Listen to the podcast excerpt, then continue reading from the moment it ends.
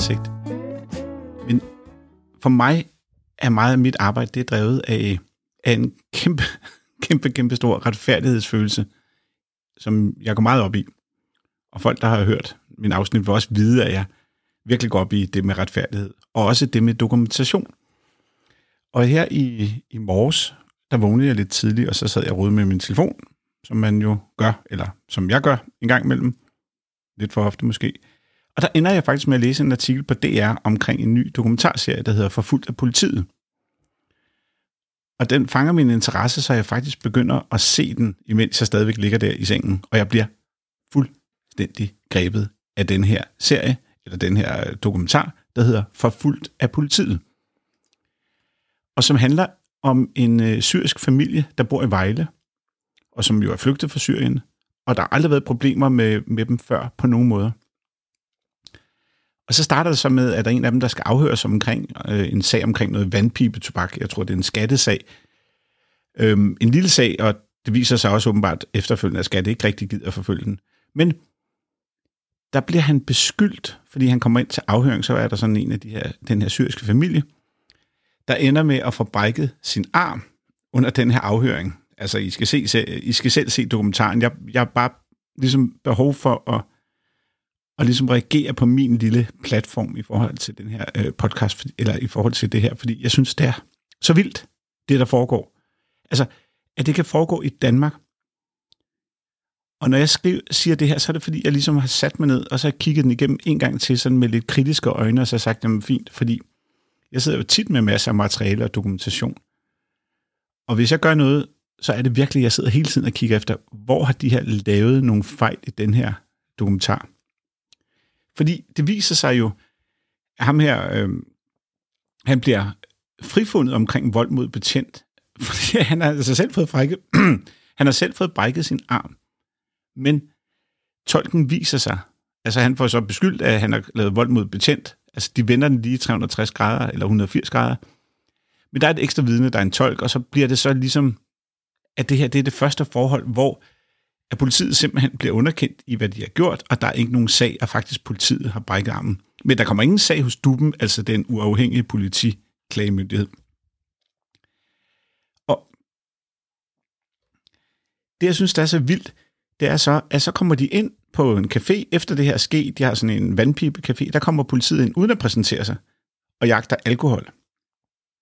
Hvis der er én ting, jeg har indtryk af, at der så foregår på de her vandpipe-caféer, det er altså ikke, at de sidder og drikker alkohol. Altså, det er måske noget andet, de putter i pipen en gang imellem, men alkohol er ikke lige der. Men jeg synes, det er så mærkeligt, at det er den samme betjent, som kommer ind der og dukker op, og man kan se de her videooptagelser, og der er det så, jeg tænker, de her videooptagelser. Altså, der er virkelig mange videooptagelser, og jeg vil sige, jeg er imponerende, imponeret over de her videooptagelser. Men jeg ved også godt, at man selvfølgelig kan vinkle og dreje, og det er også det, de kommer ind på i udsendelsen. Men bare den adfærd, man kan se på videoen, det virker bare virkelig, virkelig mærkeligt.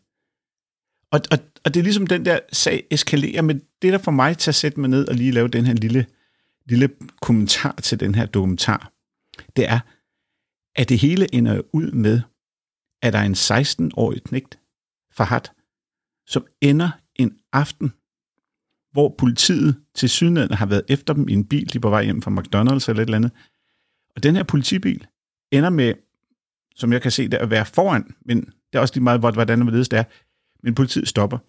Og der tænker jeg normalt, hvis man går i gang med sådan det, der hedder en politiforretning, så sætter man lige blot blink på, så ved man godt, hvad klokken er slået. Altså, så man ikke ligesom får en idé om, at det er nogle ja, andre mennesker, der er ude efter dem. Men det gør de ikke. Og i forvejen, så er de her, altså de har været ude for så mange ting, altså de har fået sparket døre ind, og altså der har, der, der har jo simpelthen været sager, der bare er afgjort, hvor man kan sige, fint, I er gået ind her uden en rensagningskendelse. Altså, jeg får sådan associationer til alle mulige amerikanske film med korrupte politifolk og ting og sager. Nå, men den her knægt, han, han flygter. Han er så bange, og det viser sig, at han er jo så 16 år gammel, den stakkels knægt. Og det er derfor, jeg bliver nødt til at lave det her, fordi han forsvinder. Han forsvinder ud i skoven. Og, og det synes jeg bare er så vildt. At de sidste, der angiveligt har set ham, det er politiet. Og da de kommer ned på politistationen, så får de ingenting at vide. De har anholdt de to andre, men han er væk. Og det kommer også frem, at han har haft, at han har været dybt traumatiseret efter de her tidligere forhold, hvor politiet er gået ind og jagtet dem så hårdt. Og det værste, det er, at sådan en historie er jo helt vild, fordi nu har jeg jo lige lavet lidt omkring Vejle. Hvor er Vejlams Folkeblad den her historie? De siger, at han har været væk i et stykke tid. Hvor er de kritiske spørgsmål fra lokalmedierne? Jamen, han er jo nok bare et godt sted henne og tænker sig, jamen prøv her. Hvis, hvis han har valgt og synes, det var for meget, vælger han så den aften, hvor han bliver jaget af politiet til at forsvinde? Altså, vil han ikke have pakket en taske eller gjort et eller andet? Og, og, og det gør altså, at den her chikane ender med, at der er en dreng på 16 år, der forsvinder. Og tilbage i udsendelsen, der bliver det jo også sådan, at de kommer ind, at man ser den her optagelse, og, og jeg er igen, jeg er dybt, dybt imponeret af, at de optager de her ting, at de får de her med. Jeg synes selv, jeg er verdensmester i at huske at optage og få nogle sindssyge optagelser, men det her, det er jo helt vildt. Og de har forberedt sig. Og det gør selvfølgelig også, at der er på et tidspunkt, hvor der er et anonymt opkald, hvor de ringer op og siger, at vi ved, at du er klaget til kommunen og sådan noget. Og der sidder jeg og tænker, ah, det er lidt mærkeligt, at det sker lige mens der er en mand fra kommunen og sådan noget. Ikke? Men omvendt set, så nævner de en navn på en betjent, de kender til den her sag. Så, så der er ret meget, der tyder på, at den er helt gal, det her. Og så skal vi også lige huske på det der proportionsprincip, altså i, at hvad er det, politiet gør, fordi det viser sig jo, at de overhovedet ikke har været straffet på noget tidspunkt, de her øh, syrier. Altså, så hvad er det, der gør, at de præcis jagter de her mennesker? Og den næste ting, som er, det er at, mm, fint, at vi har... Altså, fordi jeg har en kæmpe respekt for politibetjente, og kender også en selv ret godt. Og, og det her, det er jo nogle brødne kar. Det er jo helt sikkert. Men så sidder ham der øh, politi efterforskningschefen, ham der, hvad hedder han, øh, hvad hedder han, Kari Thomas Andersen hed han, og siger, at han vil ikke gå ind i den konkrete sag, og jatter, jatter, jatter frem og tilbage. Ikke? Men, men der er ikke nogen, der har været ude og tage den her... Altså, politiet er ude at udtale til Vejlams Folkeblad, og det er derfor, jeg mener, at Vejlams Folkeblad godt kunne være lidt mere kritiske. Det er, de er ude at udtale sig, at han har det godt, og vi er, vi er ikke nervøse. altså, hvordan kan man, hvordan kan man overhovedet altså, gøre det? Det, det, det er over min fatteevne, hvordan man kan gøre det. Altså, hvordan kan man tro, at en, der er flygtet en aften klokken halv to om natten lige er forsvundet, og, og moren, der sidder der og græder, og så videre, det er simpelthen forfærdeligt. Han har været væk i så lang tid, og det er det, jeg synes, der gør, at den her sag er vigtig. Den her sag er vigtig, fordi det er hele tilliden til vores politi. Og der må justitsministeren simpelthen komme ud og forklare sig, fordi det kan ikke passe, at vi har et system, hvor duben ikke tager de her ting alvorligt, og hvor at det er helt tydeligt, at de her betjente har vidnet falsk. Og det er ikke bare noget, jeg sidder og siger for en mavefornemmelse, fordi eftersom deres forklaring jo ikke holder vand i retten, og de taber, og politiets vidneudsagn plejer normalt at blive lagt rimelig stor vægt på, skulle jeg hilse at sige, så, så er det jo sådan lidt, jamen, jamen så har de jo løjet. Fordi altså, de siger for eksempel på et tidspunkt, at der, ham der med den brækkede arm, at der, det sker nede på vej til detentionen. Altså, hvordan kan man misforstå en lokation, når de har brækket mandens arm op i afhøringslokalet? Altså, det, det er så tydeligt, at der bliver, at der bliver ikke talt sandt.